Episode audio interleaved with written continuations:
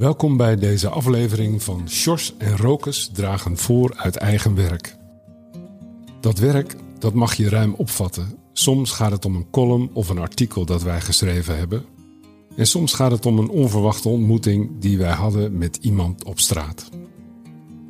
Rokes schreef ruim 18 jaar columns voor het Straatjournaal, de dakloze krant van Haarlem en omstreken. In deze podcast komen sommige van die columns voorbij. Sjors Oudekerken werkt voor het Housing First team van het Leger des Heils in Zaandam en omstreken. In die hoedanigheid komt hij dagelijks in contact met paradijsvogels die heel lang dakloos geweest zijn en die door het team in woningen gehuisvest worden. Hoe het ook zij, het zijn verhalen van alle dag, tales of ordinary madness. Die verhalen mogen verteld en gehoord worden, want it's a thin line between heaven and earth. Het kan ons allemaal treffen: psychische, psychiatrische problemen en dakloosheid. De volgende column schreef ik in de beginjaren van mijn functie als columnist van het Straatjournaal. In mijn werk als verpleegkundige trof ik regelmatig mensen die er soms een ogenschijnlijk onsamenhangend gebruik van onze taal op nahielden. Bij mensen die gebukt gaan onder een chronische kwetsbaarheid voor psychose, doet zich soms het fenomeen voor dat ze woorden verzinnen die niet terug te vinden zijn in de dikke vandalen. Dat noem je met een mooi woord ook wel neologismen. Woorden die mensen zelf verzonnen hebben. Een neologisme in ruime zin is ieder nieuw woord. Of dat nu als bestaand leenwoord aan een andere taal is ontleend, dan wel geheel nieuw is. Uh, wat is dan een leenwoord? Wel nu, een leenwoord is een woord dat door een taal is ontleend aan een andere taal.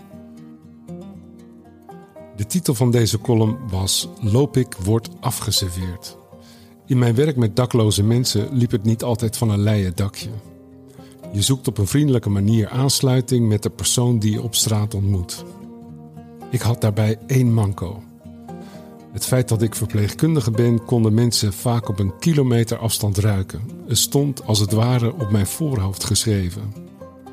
Dat alleen al was meer dan eens reden om niet met mij in gesprek te gaan. Veel dakloze mensen hebben geen enkele behoefte aan de bemoeienissen van een outreachend verpleegkundige. Geld, een huis en liefde is wat mensen over het algemeen nodig hebben en waar ze om vragen. Ik ben dus veelvuldig en soms op vriendelijke, maar ook vaak op onvriendelijke wijze brusk afgewezen. Hier komt hij. De bonds krijgen, aan de kant gezet worden, een blauwtje lopen, aan de dijk gezet worden, je neus stoten, nul op request krijgen, van een koude kermis thuiskomen, niemand thuis treffen. In mijn pogingen dakloze psychiatrische patiënten te verleiden tot contact, vang ik met grote regelmaat bot. De meeste mensen zijn zeer stellig in hun afwijzingen. Het laat aan duidelijkheid niets te wensen over. Slechts zelden word ik onbeschoft bejegend. Er gaat van de afwijzing zelfs een zekere hoffelijkheid uit. Bij mensen die gebukt gaan onder de ziekte schizofrenie doet zich in sommige gevallen een eigenaardig symptoom voor. Ze bezigen vreemde nieuwe woorden, ook wel neologismen genoemd. Daarbij lijken de woorden in het geheel niet met elkaar samen te hangen.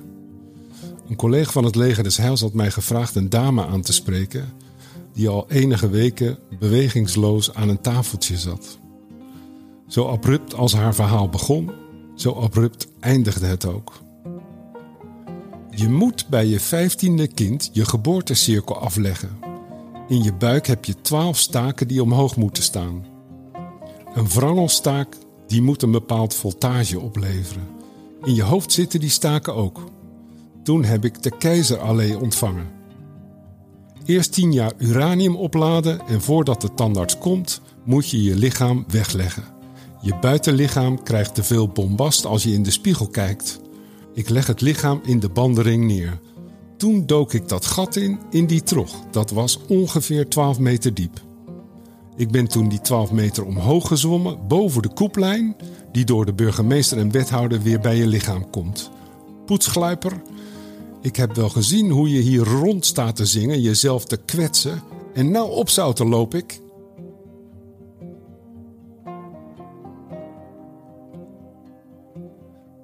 De heer van Delft had zich jarenlang geërgerd aan het feit dat ik zijn wegen natrok.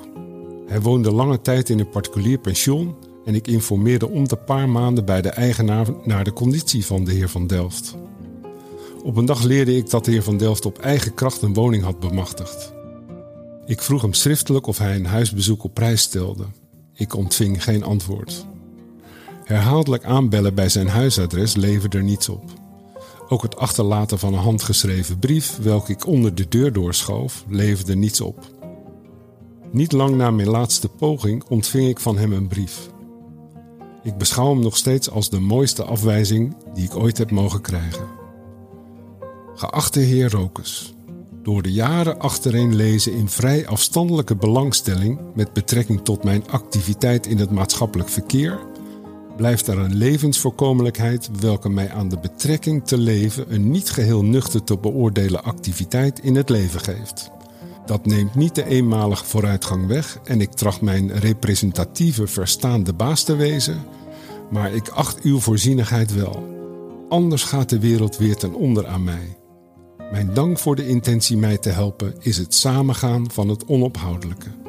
Hoogachtend T. van Delft.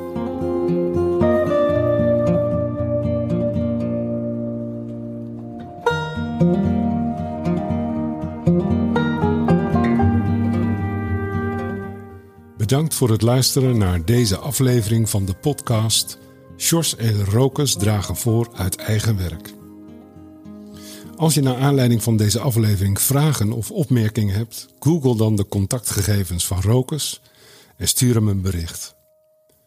Misschien wil je ook wel een review achterlaten en of deze podcast delen met jouw netwerk.